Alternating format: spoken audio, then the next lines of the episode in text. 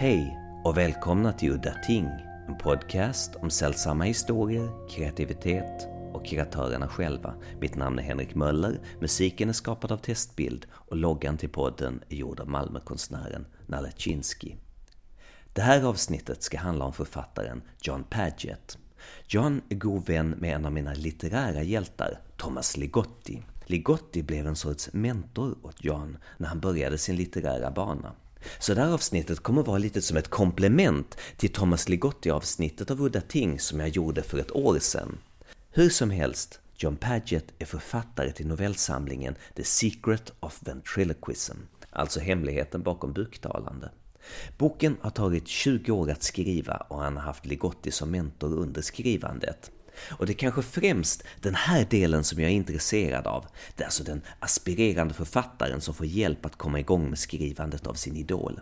Men det som gjorde att jag blev sugen att läsa Johns bok var titlarna på novellerna. Titlarna är riktigt fantasieggande och man blir sugen på att läsa dem när man hör dem. Till exempel The Mindfulness of Horror Practice, The Indoor Swamp och The Organ Void. Could you tell us about how you came up with the titles? I'm very fascinated by the titles.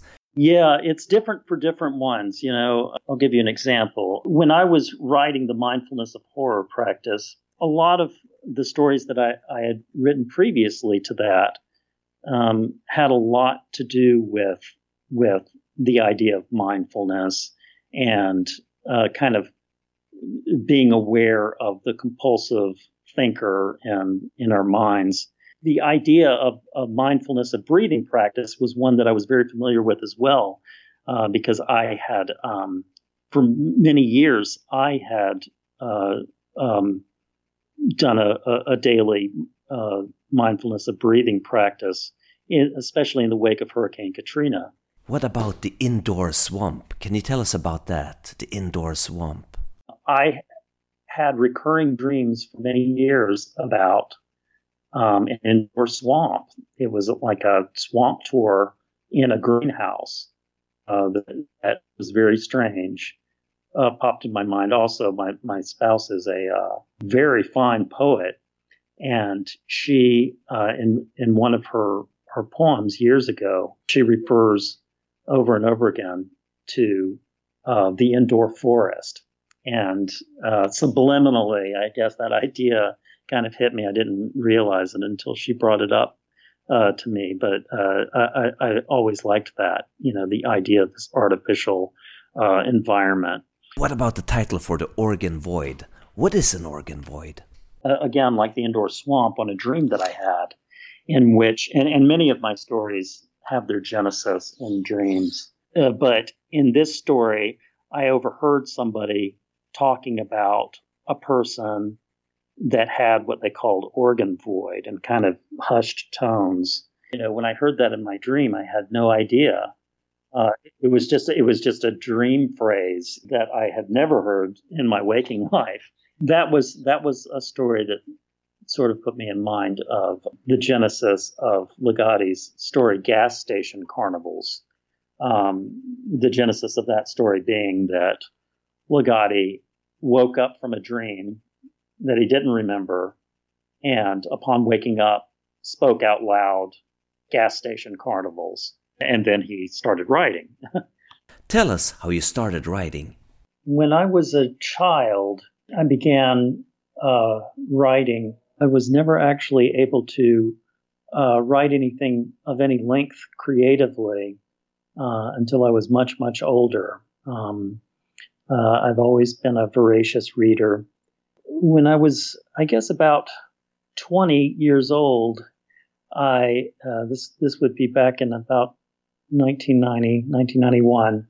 Uh, I came upon Songs of a Dead Dreamer by Thomas Ligotti. Immediately upon uh, reading, uh, really the first story, uh, I knew that if I could be a writer, uh, this was the kind of uh, material that that I would want to be able to write. Um, and Ligotti uh, became my my uh, favorite fiction writer. Uh, I, I, started trying to write stories um, in the early 90s, uh, most of them abortive efforts, until finally I, I wrote a, a, story called Eyes of the Master, which was uh, which I thought at the time was was quite brilliant, but was in actuality terrible. Uh, it, it, was sort of a Ligotti Poe hybrid pastiche, and uh, uh in the interim, uh, in about 1997, I think, I moved to New York City, and I had a job there in a law library. Uh, it, it, didn't pay much, uh, and I was quite poor at the time. Um, but I had a lot of time on the job. Uh, and in that time, I did a number of things, uh, in, including uh, creating Thomas Ligotti News Group and Thomas Ligotti website, Thomas Ligotti Online, which uh, actually appeared for the first time in 1998. So, you must have been one of the first people who started promoting Thomas Ligotti's work. By the time I came into the picture and started really promoting him, he had been on the scene, actually, uh, uh, the small press weird fiction scene for about 15 years uh, or more.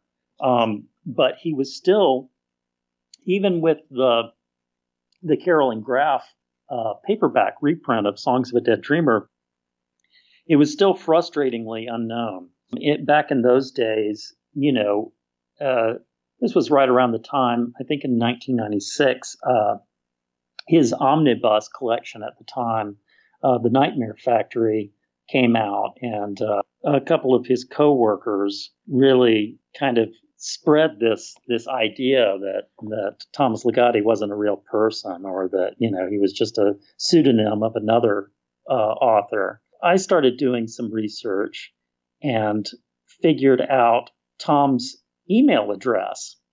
I realized where where he worked. Uh, I knew he was from Detroit, and um, and online I found some some email addresses of his coworkers, and I I just kind of guessed his email address based on those, and sent him a long email, which I didn't expect any reply from. Very enthusiastic, and as as you might think, and after very little time, uh, Tom wrote me back, and uh, and after that we started corresponding uh, for many years uh, on a daily basis. I, I mean, uh, and and still these days we'll go through you know weeks of going back and forth on a daily basis. But we we uh, became friends, you know, uh, and um, talked to each other on the phone and exchanged some some letters. And somewhere in all of this, I, I sent him the story that I had written, which he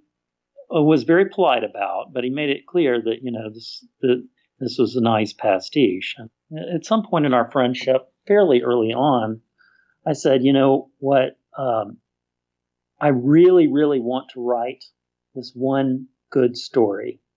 So please, could you could you you know help me? Tell me what you think works, what doesn't, and uh, and so he started doing that. At some point early on, I, I asked Tom to take off the kid gloves and tell me what he really thought. And what he really thought was that it wasn't very good. Um, and, and Tom, you know, he's a, a very kind and generous person, but about his craft, he's very, very serious. Um, he's also a very honest person. He let me know essentially that the story was no good, that I didn't know how to write a story yet, uh, which, you know, devastated me. And, uh, and for some years, uh, I kind of, you know, I would drop the story and, and, uh, uh, and then after a few months, I would start, I, I would get an idea and I would rewrite the whole thing and I would send it to uh, and he would tell me again, you know, he might say, this sentence is good. Um, this sentence is good. The rest of it doesn't work. And this is why. He got very specific, wrote, wrote very generous with his time, um, uh, particularly because the story was just in such poor shape for so long. Uh, I talked to him on the phone about it multiple times, uh, and, and I I kept on rewriting the thing. Finally, came upon the idea, you know, because at some point he he said the element of what you're wanting to write um, that is interesting is ventriloquism. He said, you know, because there there all there was always a ventriloquist aspect to it. He said, you know, this is the this is the one thing that you know about that not a lot of people know about, and the reader will be interested in knowing about. So focus on that aspect. And I did in the early 2000s. I came up with the title, The Secret of Ventriloquism. Then several more years passed uh, of uh, this the the same kind of modifications, and I mean the story uh, as it as it developed over years would be unrecognizable to what it turned out to be uh, up to that point. And about 2004, I for the first time, I think I I think I had reread um, Tom's Ten Steps to Thin Mountain and the thing that it did was it reminded me when I was a child, uh, I was scared of dolls um, because of this night gallery episode uh, based on an Algernon Blackwood story called The Doll, which is actually quite good. But uh, I was four years old when I saw this thing, and, and it's about this doll that comes to life and, and, and kills a, a man. It's, it's got poisoned teeth. And uh, I had recurring nightmares about this thing for about five years uh, when I was a kid. And uh, as I segued out of that fear, um, I started becoming afraid of ventriloquist dummies because I saw a, a night gallery episode featuring uh, a ventriloquist dummy, and I wanted to know how it worked. So I asked my parents to get me a ventriloquist dummy. That, along with 10 Steps to Thin Mountain, got me thinking about the story and and uh, and so I, I started thinking, well, what if the author of this pamphlet actually had a lot more steps that were not approved that get into other things, uh, more metaphysically troubling ones. Uh, so I, I, wrote an outline. Uh, at the time, I think it was I think it started out as 14 or 15 steps. And uh, I sent the outline to Ligotti. And, and, you know, bear in mind that at this point, for the better part of seven or eight years, he had given me feedback which was almost wholly negative. Um, and uh, when he wrote back about the the um, uh, the outline, uh, he said, you know, this this could be a great story. And then I realized that I wanted to write more, partially because I wanted to tell the story of how the 20 Simple Steps was created by my fictional author who had gotten cut, Joseph Snavely. And to do that, I, I had an idea for kind of a follow up called the Infusorium, uh, which, which connected a few dots. Uh, and I wrote that which took me not 20 years, but it took me a few years to, to write. Um, and while I was writing that, I started coming up with other ideas as well. Uh, and at some point, I realized that all of these stories are very much, most of them were directly connected with each other. And that's kind of how the manuscript started coming together. And you know, the, the very last piece that I wrote, I wrote actually just prior to publication of, of the book. In fact, all of the advanced review copies were down one story. Um, they, they did not include uh, Escape to Thin Mountain, which was my kind of Ligotti ode, uh, and but also the story that really caps off the whole manuscript and, and ties everything back uh, together. And it's the only story that I've ever written in, you know, the course of a day. so so one of the stories took 20 years, and one of them took a day. Uh, most of them very much in between. What was it that Tom wanted to change specifically? Was it the plot or the descriptions, the mood? You know, he didn't really think any of it was was working at the beginning. I mean, the whole thing was very derivative. Um, it was it, the concept was was stale, um, and it wasn't my. It, it didn't it didn't hold anything of of me uh, as a as a person in it, and uh, uh, so you know, very early on, I think Tom invoked Poe's famous quote about uh, uh, writing, in which he says, uh, I forget the exact quote, but it's it, it, it's about laying your heart bare as a writer. This doesn't mean that you you have to, you know, write what you know. Although, it, ironically, it did turn it out to be the kind of core of that first story with ventriloquism. That that is something that I knew, um, but it was an exploration. You know, he really had me before he gave me any kind of specific notes about craft or uh, you know, how to write, how to uh, frame together a narrative, how to um, uh, always uh, try to move towards uh, the narrative's ultimate point, uh, no matter what, and cut everything else. Before he did any of that, he wanted me to understand the point of of my story, um, which was a long process. You know, I, I I thought that I knew that from the very beginning. I thought I knew what I wanted. I I remember in the early 2000s talking to him on the phone, and and I had just come up with the idea for uh, the title, the then title of the story, and later the title of the manuscript, "The Secret of Ventriloquism," and I was very excited about that. Um, and over the phone, at some point he asked me, What is the secret of ventriloquism? I couldn't answer him.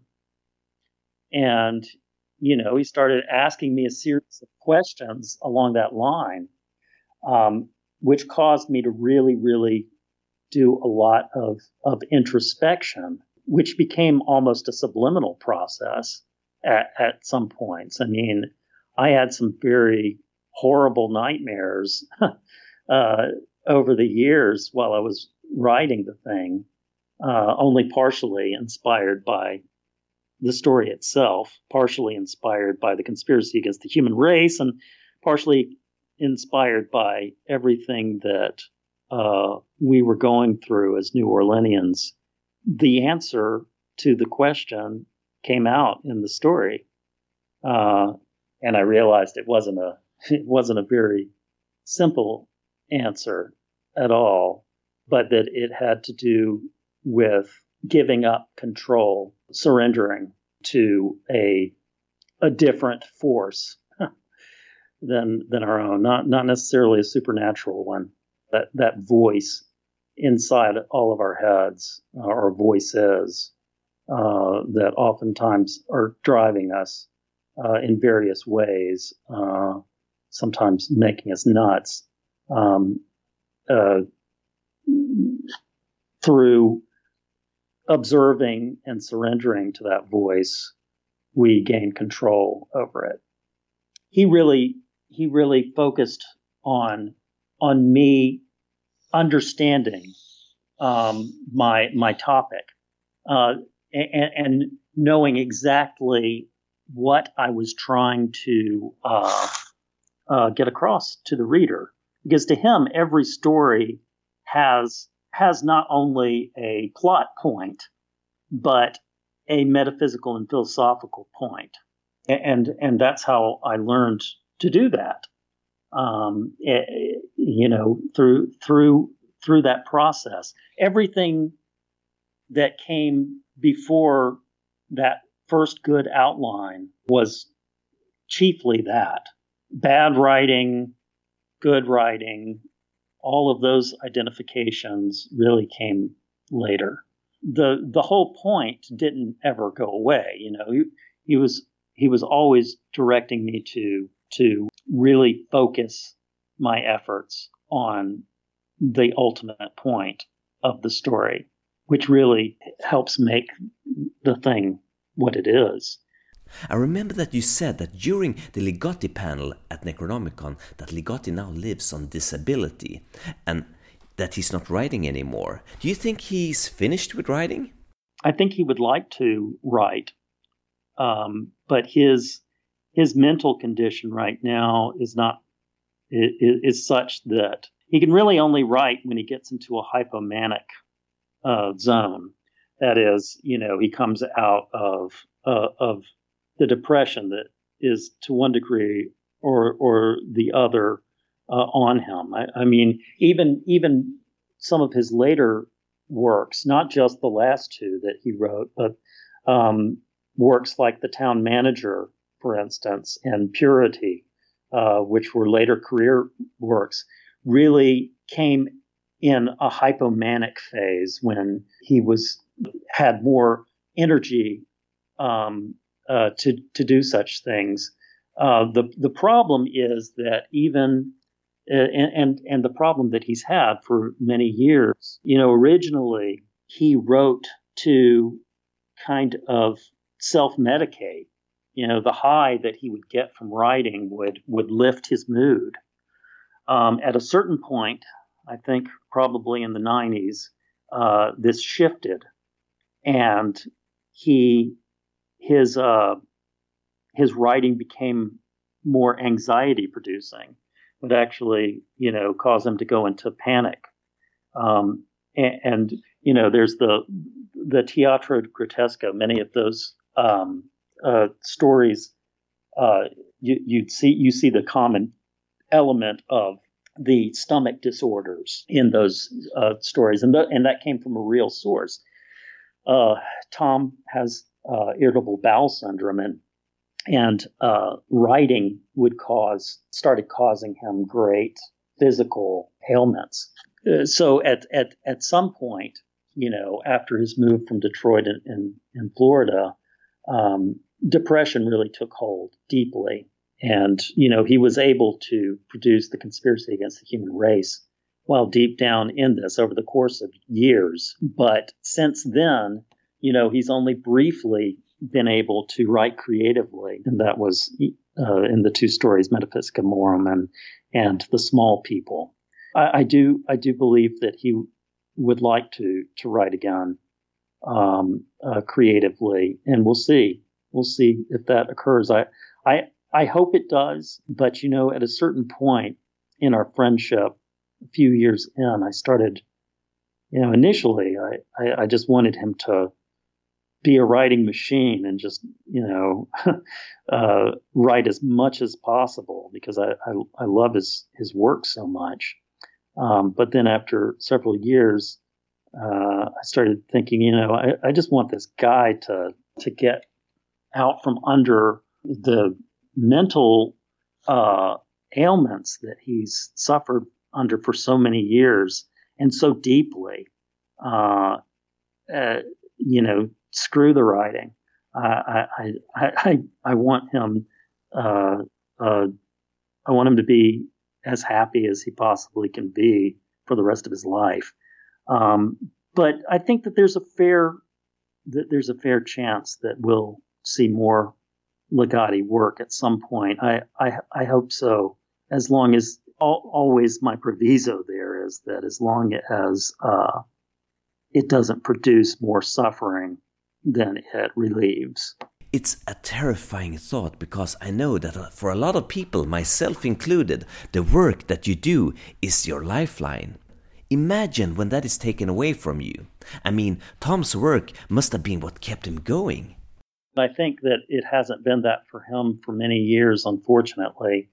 Uh, it's been more, it's often been more of a burden than it has been uh, a help. Um, it, eh, you know, I, I also think that it's, it's it's really more complicated than you know he's just retired from from writing. He's never going to write again. I, um, you know, in the interim, I mean, I don't know how many thousands and thousands of words he's written uh, over the years in his amazing interviews.